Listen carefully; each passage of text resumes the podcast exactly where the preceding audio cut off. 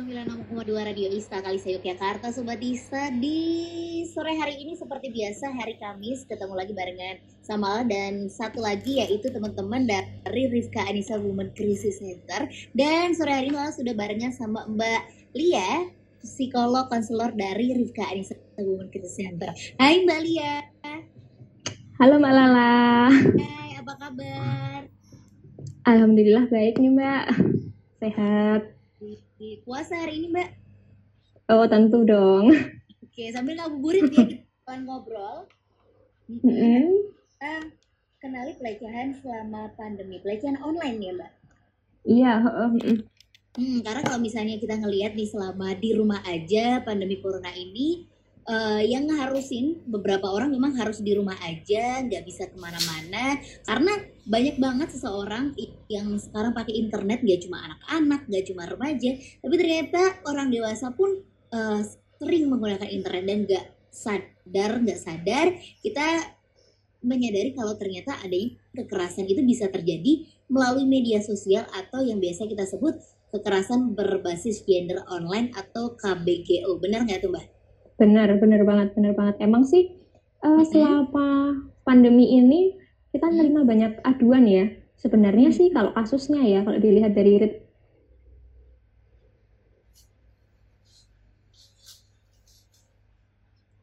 melaporkannya setelah pandemi dan kebanyakan klien-kliennya tuh anak-anak muda lah usia di bawah 30 tahun gitu Oke, berarti mm-hmm. anak usia di bawah 30 tahun. Mm-hmm. Tapi Lala masih bingung sih, uh, kekerasan berbasis online itu seperti apa sih Mbak sebenarnya? Karena memang ya kebutuhan psikologis seseorang kan memang tersalurkan tuh melalui yang namanya kita main. Mm-hmm. Nah, tapi ternyata banyak banget uh, yang malah menjadi melahirkan modus kejahatan yang memang nggak terbendung bakalan terus nambah kalau misalnya kita nggak sadar ada yang jadi korban dan ada yang jadi pelaku sendiri jadi KBGO itu sebenarnya kayak gimana sih mbak? KBGO itu sebenarnya ya kalau misalnya kita lihat di ranah offline ya gitu ya kekerasan berbasis gender yang menye, uh, apa ya menjadi pemicunya adalah ke ketimpangan antara salah satu gender atau salah satu jenis kelamin seperti itu. Nah, cuman kalau yang online itu karena dia difasilitasi oleh media sosial. Jadi entah itu ini ya aplikasi-aplikasi dating misalnya atau uh, via WA atau via Instagram gitu. Sebenarnya ada ada bentuk aktivitasnya sih kalau bisa aku jelaskan di sini. Misalnya oh, nih, boleh. Uh, uh, boleh ya. Misalnya yang pertama, teman-teman pasti sangat mengenal bullying. Nah, ya Remar Martin itu atau ada kasus kayak kemarin ada artis Korea yang dibully oleh warga Indonesia, netizen Indonesia. Nah, itu kan sebenarnya termasuk deh. Nah, itu termasuk cyberbullying tuh gitu. Terus ada juga nih sexting. Sexting itu ketika teman-teman berkirim chat uh, seksu yang membahas tentang seksualitas. Nah, kemudian ya entah itu berkirim chat ya kata-kata biasa, bisa foto juga hmm. atau mungkin bisa juga berkirim video. Nah, kalau di kasus yang sering udah yang eh kamu ngapain sih kayak gabut habis itu kenalan nih dating via online uh, karena ya di rumah atau nggak ngapa-ngapain tuh loh gitu okay. dating via online bertukar kontak melalui WhatsApp atau Instagram terus ya mereka benar-benar cuman kenalan sama stranger terus si stranger itu minta foto atau video pribadi. Kayak gitu itu sexting ya. Terus ada juga ini yang sering banget yang nomor dua dari revenge porn. Revenge porn itu balas dendam dengan cara menyebarkan uh, ancaman ya ancaman balas dendam dengan cara menyebarkan foto atau video pribadinya korban. Nah ini banyak banget. Biasanya mereka udah masuk dalam ke ini loh toxic uh, relationship. Jadi ya hubungan pacarannya udah nggak sehat sih mereka tuh biasanya.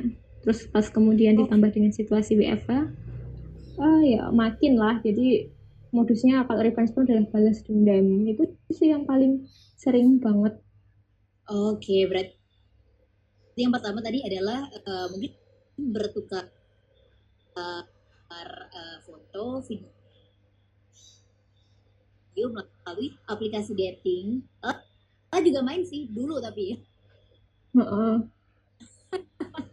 itu oh. ya termasuk ya mbak. Mm -mm, itu adalah uh, menyebarkan foto atau video mungkin mang gitu uh, uh, banyak kasus ini terjadi kepada cewek. Iya nggak sih mbak? Rentan iya benar. Banyak kasusnya pada cewek. Jadi emang ya apa ya sering kali tuh modus-modus dari pelaku meminta foto atau video pribadi minta foto si cewek-cewek ini secara full full body dengan melihatkan muka. Itu sebenarnya juga aduh ya miris juga ya kalau aku pribadi dengarnya. Uh, emang ini mereka kebanyakan korbannya sih cewek karena lebih ini kali ya ya relasi gendernya kemudian perempuan itu uh, yang rentan jadi korban adalah mereka-mereka yang mungkin tidak dibekali secara, apa ya tidak punya pengetahuan atau wawasan terkait KBGO ini jadi rentan juga. Dia nggak tahu nih kalau ini tuh kekerasan gitu. Oh berarti sebenarnya itu adalah kekerasan tapi eh, nggak uh, sedikit juga kadang cewek-cewek itu yang mau nggak terpaksa dengan memberikan foto fullnya atau videonya itu berarti termasuk kekerasan ya mbak Iya, itu termasuk kekerasan. Jadi gini, biasanya kan cowok itu ya pelakunya tuh ngebujuk gitu loh. Ya ini entah itu bukti cinta kek atau um, ya udah pengganti kita nggak ketemu kek selama WFH ini gitu kan. Tapi masalahnya adalah kadang orang nggak sadar bahwa flirting itu atau menggoda, godaan, bujuk rayu itu tuh bukan konsen gitu. Bukan konsen gitu.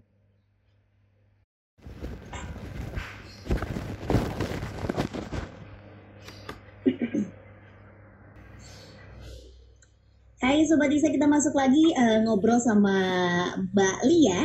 Ini adalah tim dari Rifka Anissa Women Crisis Center. Kalau tadi kita sudah sedikit tahu tentang kekerasan berbasis online itu seperti apa. Dan sekarang kalau mau tanya, sebenarnya kan kekerasan berbasis online, berbasis gender itu kebanyakan pada wanita itu tadi sendiri ya Mbak?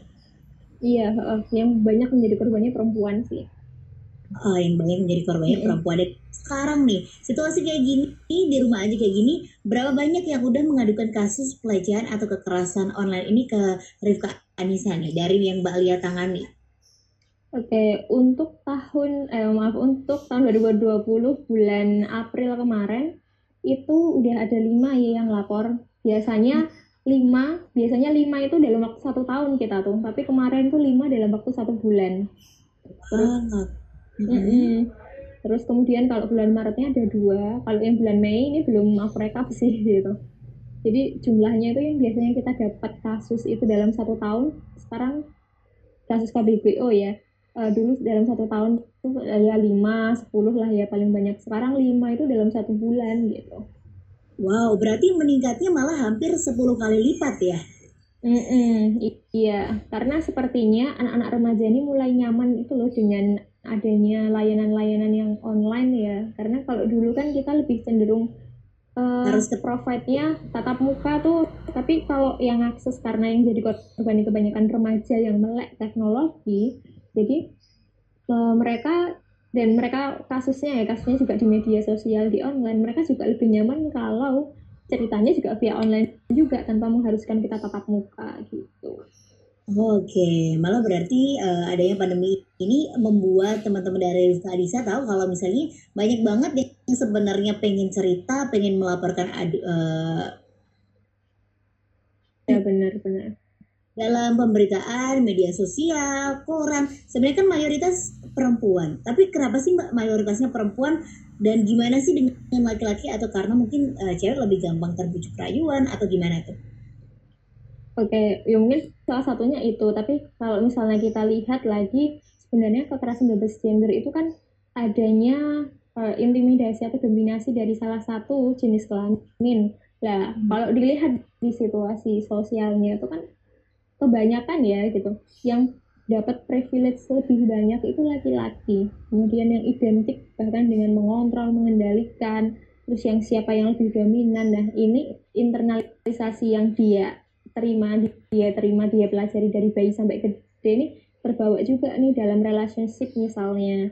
Jadi ketika dia menjalin hubungan dengan perempuan jadi laki-laki ini yang uh, apa justru lebih dominan tuh akhirnya. Jadi uh, kemudian privilege privilege itu ya kalau dia nggak sadar akhirnya dia gunakan kesempatan untuk menekan si ceweknya misalnya.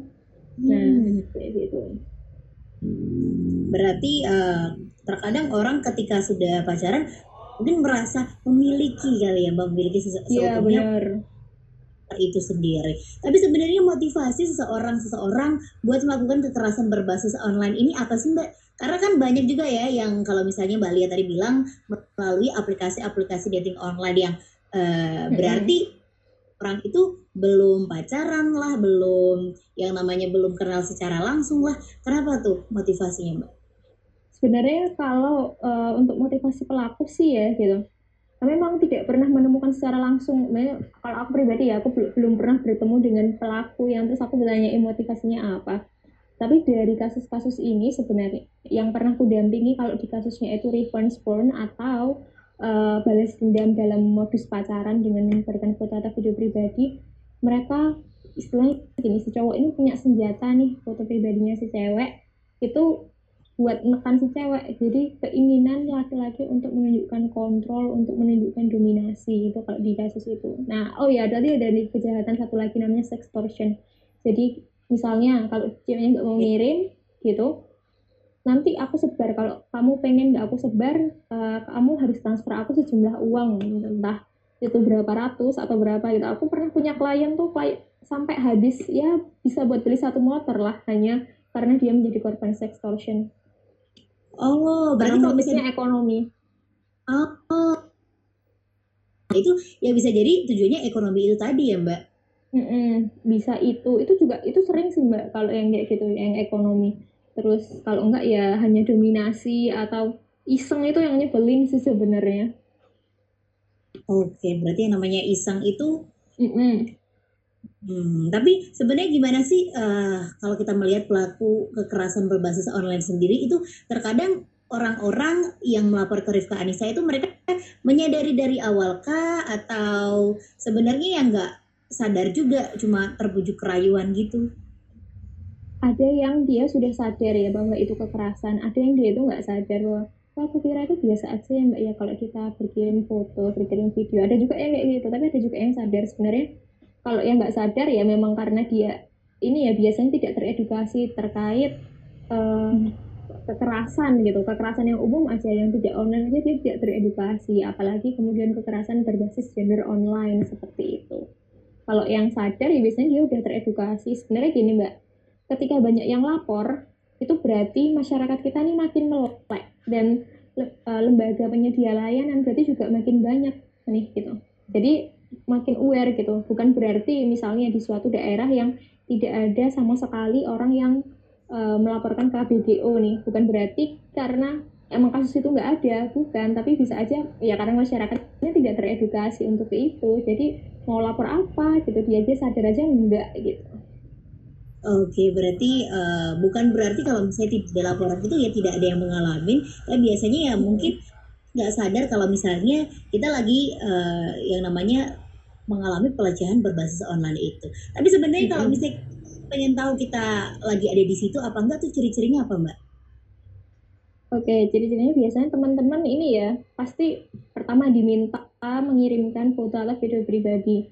Nah, ketika teman-teman uh, teman-teman nggak nyaman deh, teman-teman nggak nyaman dengan itu, ya otomatis itu sudah kekerasan tuh gitu. Terus dan foto video pribadi itu kan tidak, seharusnya kita berikan ke orang lain ya gitu. Apalagi ini melalui sosial media. Terus kemudian kalau yang uh, modusnya adalah ekonomi tadi gitu teman-teman mungkin tahu bahwa uh, ada ancaman tuh ada ancaman. Kalau kamu nggak ngirim berarti kamu uh, nanti ini aku sebar nih. Nah itu tuh juga uh, apa ya itu juga ya tanda-tanda lah bahwa itu juga kekerasan. Cuman modusnya adalah ekonomi yang kemudian dia memanfaatkan foto atau video pribadi yaitu kita sebut sextorsi sih biasanya gitu hmm. nah biasanya kalau di foto atau video pribadi ini ada juga mbak yang uh, stranger yang minta tapi mintanya tuh nggak mungkin langsung tuh nggak mungkin ya aku kirimin dong fotonya itu jelas nggak mungkin jadi okay. kebanyakan mereka Gimana mereka itu? gini yang pernah aku temui ya gitu pertama nih misalnya kayak aku nih pakai jilbab oke minta apa dong foto kamu pakai jilbab cekrek dia nih pakai jilbab gitu terus lama-lama minta dong foto kamu yang nggak pakai jilbab gitu. Uh, minta lagi. Terus naik naiklah tekanan itu dari misalnya pakai baju gitu. Terus lama-lama tidak pakai baju masih pakai daleman misalnya gitu. Terus lama-lama tak foto, foto telanjang gitu. Setelah foto telanjang video bahkan. Jadi oh ini loh yang terjadi itu ada tahapannya. Pelaku juga tidak langsung uh, minta juga. Jadi kadang korban akhirnya nggak terasa kan kalau dia itu di hurting atau digoda gitu hmm, karena pelan-pelan itu tadi ya mbak ada mm -hmm. levelnya iya, tersendiri ya, benar. Mm -hmm. ya tapi sebenarnya kalau misalnya kita seseorang mengalami namanya per perlecehan berbasis online itu kan pasti nimbulin tuh dampak-dampak sendiri bagi korbannya itu sendiri. Kalau dampak uh, bagi korbannya itu apa aja mbak? Oke, salah satunya yang kelihatan banget dampak psikologis. Aku pernah punya kalian yang kemudian dia uh, apa namanya sampai sulit tidur, habis itu. Jadi nggak mood makan atau mungkin yang ya dia punya penyakit bawaan tapi yang nggak pernah kamu jadi kambuh. Itu namanya psikosomatis ya. Jadi sakit fisik yang sebenarnya disebabkan oleh masalah-masalah psikologis itu. Terus okay. kemudian itu psiko, apa psikologis. Kemudian dampak sosial juga ada nih kadang mereka ini loh dikucilkan sama teman-temannya kalau misalnya tahu video atau fotonya pas misalnya kok bisa orang kan di luar gini ya kok bisa sih kamu uh, ngirim kayak gitu? Atau kok bisa bisanya hmm. kamu percaya sama orang? Jadi stigma-stigma di luaran sana sebenarnya itu yang membuat kemudian korban itu jadi ragu untuk melaporkan ya karena mungkin dia juga takut dan khawatir gitu. Itu sih mbak. Terus dampak seksual biasanya juga ada tuh. Seperti apa? Misalnya uh, ini sering nih. Aduh lupa ya tadi nggak itu honey trapping. Honey trapping itu modus misalnya kenal melalui dating online. Habis itu ya kita belum pernah ketemu nih ya. Kita ketemu ketemuan yuk di sini gitu. Habis itu ya biasa diajak jalan-jalan. Eh ternyata kemudian disetujui dicabuli diperkosa itu oh. dampak ekonomi mm -mm. dampak ekonomi ya kayak yang diceritakan tadi ya sampai bisa buat beli satu motor hanya karena dia diancam akan dibeli uh, videonya akan disebarkan. Oke, berarti pertama-tama tuh dampaknya pada kesehatan diri sendiri dulu kali ya Mbak. Mungkin iya. karena yang seperti itu, terus tiba-tiba sadar, itu pasti bakalan jadi kepikiran, jadi pusing, jadi mual, kayak gitu sendiri ya. Sendiri untuk korban bakal ngelakuin apa mbak?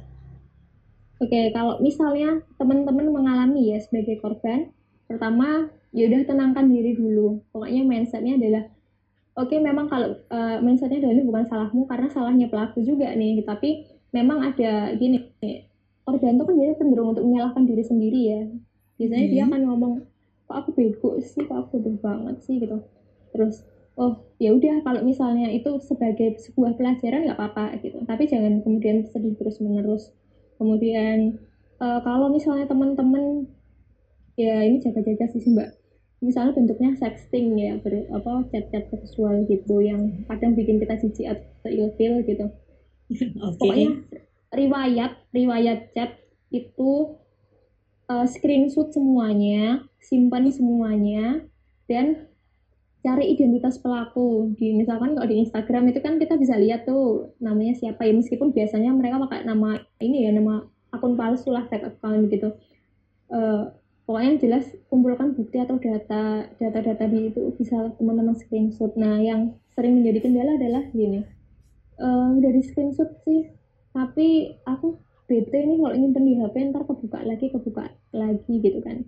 Jadi dia ke trigger nih buat cemas lagi. Oh teman teman-teman bisa kok uh, menyimpan itu di flash disk yang lain di drive. Pokoknya yang nggak kebuka sama mata. Tapi itu emang harus dilakukan itu sebagai bukti ya barang bukti. Kalau misalnya uh, apa namanya beneran disebar atau misalnya teman-teman ingin melaporkan ke kepolisian. Nah kasus selama ini itu yang uh, sulit masuk ke kepolisian gara-gara buktinya udah pada dihapusin tuh sama para korban. Jadi susah oh. banget buat dapat bukti. Terus kalau teman-teman membutuhkan bantuan yang sangat ya gitu mendesak itu teman-teman silahkan akses lembaga layanan terdekat akses profesional gitu paling nggak tanya dan ceritakan ke teman-teman temannya teman-teman gitu. Karena gini korban yang udah panik ketakutan sedih biasanya dia tidak akan berpikir dengan strategisnya. Tujuannya bercerita kepada orang yang kamu percaya adalah supaya teman-teman bisa berpikir lebih strategi uh, siapa tahu ya temannya ini bisa memberikan kamu masukan dan berpikir lebih strategis hmm. karena temenmu nggak emosional nih gitu kan kondisinya kamu lagi emosional mungkin juga susah nih buat mikir gitu oke berarti kalau hmm. misal Nah, itu tadi uh, ketika kita sudah sadar, kita ketika kita sudah tahu mungkin dimintain foto-foto, mintain video atau diajak uh, sek, eh chat lewat chat tentang seks yang udah nggak benar, lebih baik kita langsung screen ya gitu ya. Karena kebanyakan sekarang seperti yang Mbak Alia bilang itu kalau misalnya oh, korban dimintain bukti kalau misalnya dia diminta secara paksa, dia sendiri ya yang nggak punya gitu ya Mbak. Iya, karena udah itu sih apa namanya terlanjur jijik dan males ya jadi pada dihapusin. Padahal itu juga sangat penting nih. Oh iya kalau ada teror lagi nih aku lupa itu teman-teman bisa memblokir nomornya pelaku tapi pemblokiran ini uh, lakukan hmm. setelah teman-teman mengumpulkan bukti jadi gitu oh, jadi buktinya di screenshot setelah itu baru bisa diblokir gitu ya mm -hmm. iya oh. tapi kalau misalnya kalau bisa Gimana? jangan dia uh, diblokir aja Oh, Oke, okay. tapi sebenarnya kalau misalnya ketika sudah melaporkan tapi sudah terlanjur juga tuh kita nggak ada bukti, apa yang bisa dilakukan lagi mbak?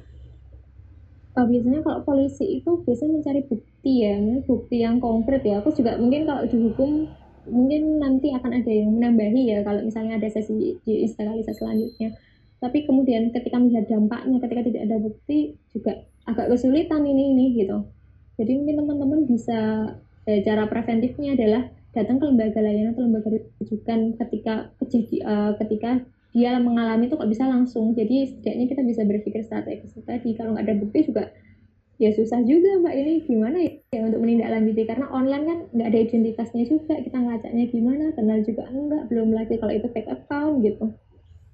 Oke, dan uh, buat Mbak Lia sendiri sih mungkin bisa kasih himbauan kepada cewek-cewek ataupun cowok karena nggak sedikit juga ya cowok-cowok yang kadang juga merasakan atau mengalami namanya uh, pelecehan uh, seksual secara online itu tadi. Himbauannya buat kita nih yang mungkin suka banget main sosial media atau mungkin yang dibilang Mbak Lia tadi main-main sedikit karena bosen dengan aplikasi-aplikasi dating gitu. Kayak pertama jangan pernah mengirimkan foto pribadi ya, foto, foto pribadi yang sekiranya itu menunjukkan bagian pribadimu terus hmm. kemudian jangan mudah juga terlalu open karena ini ya kadang korban-korban itu ih okay. kayaknya dia orang baik gitu atau misalnya oh wajahnya kayaknya orang kalem-kalem aja tapi don't judge people from the cover ya okay. gitu ya tetap hati-hatilah gitu karena dunia maya ini kan sebenarnya juga lebih gila ya karena kita nggak tahu dan kita nggak kenal mau nangkep juga susah orangnya di mana gitu kan gitu. jadi hati-hati ketika teman-teman terlalu open dengan seseorang di dunia maya yang tidak pernah ketemu secara langsung. Kemudian uh, selain itu bekali diri teman-teman dengan pengetahuan pengetahuan terkait kekerasan. Ini kekerasan deh kekerasan dulu aja belum kekerasan berbasis gender. Nanti kekerasan habis itu baru kekerasan berbasis gender. Bekali dengan pengetahuan itu tujuannya adalah kalau kita punya pengetahuan, kita punya posisi tawar nih. Kalau ada cowok-cowok yang jahil, kita juga bisa jahilin balik atau kita juga bisa gertak balik gitu. Karena jadi cowok-cowok oh. kayak gini tuh, ini sih mbak, uh, apa namanya? Mereka tuh nggak berani menghadapi orang secara offline. Jadi makanya berani cuma ngontrol atau mengintimidasi secara online. Tapi kalau dia digertak balik juga mengkerut. Ini yang sering ketemui loh ya gitu. Hmm, hmm. hmm. Terus atur segi. Mm -mm atur security keamanan yang di misalkan di Instagram bisa aja di lock atau ya kalau nggak di lock nggak apa-apa sih asalkan intinya jangan mudah untuk memberikan informasi pribadi. Terus uh, jangan menyantumkan banyak hal ya identitas pribadi. Misalnya kalau nama sih mungkin lebih umum ya. Ada alamat ditampilkan hmm. secara detail. Terus akun-akun yang lain ditampilkan secara detail. Atau mungkin link-link apa keluarga kita kita cantumkan secara detail itu kan sebenarnya juga jadi bahaya kalau misalnya si pelaku ini adalah stalker kita gitu kan Hmm, oke okay, berarti jadi lagi kita kepada orang lain itu sendiri ya. Mm-hmm. Iya. Nah, kalau misalnya tadi kan udah sedikit disampaikan apa yang bisa dilakukan kalau misalnya kita uh, ketika sadar kalau jadi korban kekerasan berbasis gender online ini, mungkin kasih dong ini tipsnya Mbak biar kita terhindar juga dari pelecehan seksual berbasis online. Tipsnya adalah yang sebenarnya hampir sama ya seperti yang tadi. Teman-teman uh, bekali pengetahuan itu dasar banget. Bekali pengetahuan tentang kekerasan. Jadi setidaknya ketika kita punya ilmu punya pengetahuan tentang ini kita itu jadi punya sikap ketika hal ini terjadi pada kita apa yang harus kita lakukan kita punya sikap akhirnya terwujud dalam perilaku juga ya entah misalnya teman-teman bisa tuh gertak balik si pelaku atau mungkin teman-teman tembak balik uh, atau maksudnya tembak balik adalah ya yang kamu lakukan itu kekerasan dan aku boleh dong berhak untuk tidak mengirimkan video pribadi, foto pribadi karena mungkin bisa aja kamu justru akan menyebarkan ini gitu. Ya meskipun di belakangnya juga pelaku pasti akan gombal-gambil ngasih tipu daya gitu sih gitu. Itu basic oh. sebenarnya sekali dengan pengetahuan terus uh, ya sama hati-hati mengenal orang yang belum teman-teman kenal terus jangan sampai kemudian perginya hanya uh, apa ya pergi apa, terlalu trust dengan orang padahal baru pertama kali itu ketemu itu juga bahaya juga ya baru pertama kali itu ketemu karena sebelumnya via apa hanya via chat atau DM terus hmm. ini sering terjadi nih zong. Zong dia uh, si pelakunya ya itu pakai foto profil orang ganteng gitu kayak siapa gitu atau dengan pekerjaan yang namanya menggiurkan tapi pas ditemuin itu nggak sesuai dengan kenyataan yang dia gambarkan uh, di sosial media. Ya itu pokoknya jangan menilai orang dari covernya deh karena kita nggak tahu kan itu siapa yang sebenarnya dipakai mbak itu intinya. Oke jadi harus lebih berhati-hati secara mm uh, lihat latar yeah. belakang itu juga. Dan ini ada satu Oke, sebenarnya kalau menurut apa namanya aturan dari Komnas ya Komnas Perempuan itu bentuk-bentuknya ada delapan. Oke sebentar mbak. Ada delapan. Yang paling sering terjadi adalah penyebaran uh, penyebaran kok penyebaran apa namanya uh, ya ancaman menyebarkan video atau foto pribadi jadi yeah. itu biasanya kita sebut dengan malicious distribution. Nah, mm-hmm. terus kemudian ada hacking. Nah, ya teman-teman tahu lah hacker-hacker itu gitu ya yang memanfaatkan uh, apa akun pribadi kita untuk kepentingannya dia. Ya aku nggak tahu sih kepentingannya untuk apa. Bisa aja misalnya teman-teman tahu kasusnya Tokopedia yang kemarin heboh ya itu kan bisa aja terjadi. Terus kemudian mm-hmm. ada pelanggaran privasi ya pelanggaran privasi itu misalnya gimana pelanggaran privasi misalnya ketika teman-teman e, menggunakan e, teman-teman men, apa ya menuliskan detail menuliskan detail identitas teman-teman kemudian ini digunakan pelaku untuk kejahatan. Seperti itu. Terus hmm, ada ya. mm -mm, itu pelanggaran privasi. Terus um, cyber grooming. Cyber grooming itu biasanya uh, cyber grooming biasanya adalah ketika korban, eh, maaf, ketika pelaku melakukan pendekatan untuk memperdaya korban, entah itu untuk memperdaya secara seksual atau memperdaya secara ekonomi. Kalau cyber grooming itu yang dulu pernah di Indonesia kasusnya anak anak-anak. Ya aku lupa sih usia, usia anak anak-anak kecil kok anak laki-laki gitu. Di bawah 18 tahun ya yang jelas diminta untuk melakukan pose-pose seksual dan itu dikirimkan ke salah satu apa ya namanya kayak uh, situs pornonya luar negeri itu itu pernah itu cyber grooming terus kemudian ada illegal konten biasanya konten-konten ilegal yang isinya entah itu foto pornografi atau oh, data-data pribadi seseorang kemudian ada uh, apa namanya pencemaran nama baik teman-teman tahu lah ini biasanya penyem, apa diserang gitu entah melalui platform atau secara personal di kolom-kolom komentar gitu terus hmm. kemudian ada online recruitment ya kalau misalnya teman-teman tahu job street atau LinkedIn atau apa yang dia secara kalau dia kan secara resmi tuh lah ini ada di online apa job apa ya kok sih apa nih uh, perekrutan online itu loh tapi ternyata juga cuman tipu daya gitu. Kita juga nggak tahu sih kadang nyeleksinya juga kesusahan ya orang-orang itu. Terus okay. dibohongin akhirnya nggak dapat pekerjaan deh gitu. Malah diperdaya gitu. Iya. Sudah ya mbak? Udah delapan tadi itu ya? Iya dari, udah delapan. KBGO itu ternyata banyak mm -hmm. banget kamu harus perbanyak informasi, perbanyak pengetahuan biar kalau misalnya itu ketika ada orang terdekat dari kamu yang merasakan, itu kamu bisa kasih tahu sendiri ya kalau uh, orang terdekat itu merasakan yang namanya KBGO itu sendiri. Oke, okay, thank you banget dari Rifka Anis dengan Crisis Center yang kali ini sudah bergabung ya bareng-bareng tentunya di bicara hari kami semoga kita bisa segera ketemu tatap muka langsung ya biar kita bisa ngobrol lebih banyak. Oke. Okay. oke. okay, sobat. Bakalan lanjut masih lanjut di sore sore sampai nanti jam 5 sore. Spesial buat kamu lalu masih nyiapin lagu-lagu yang oke-oke banget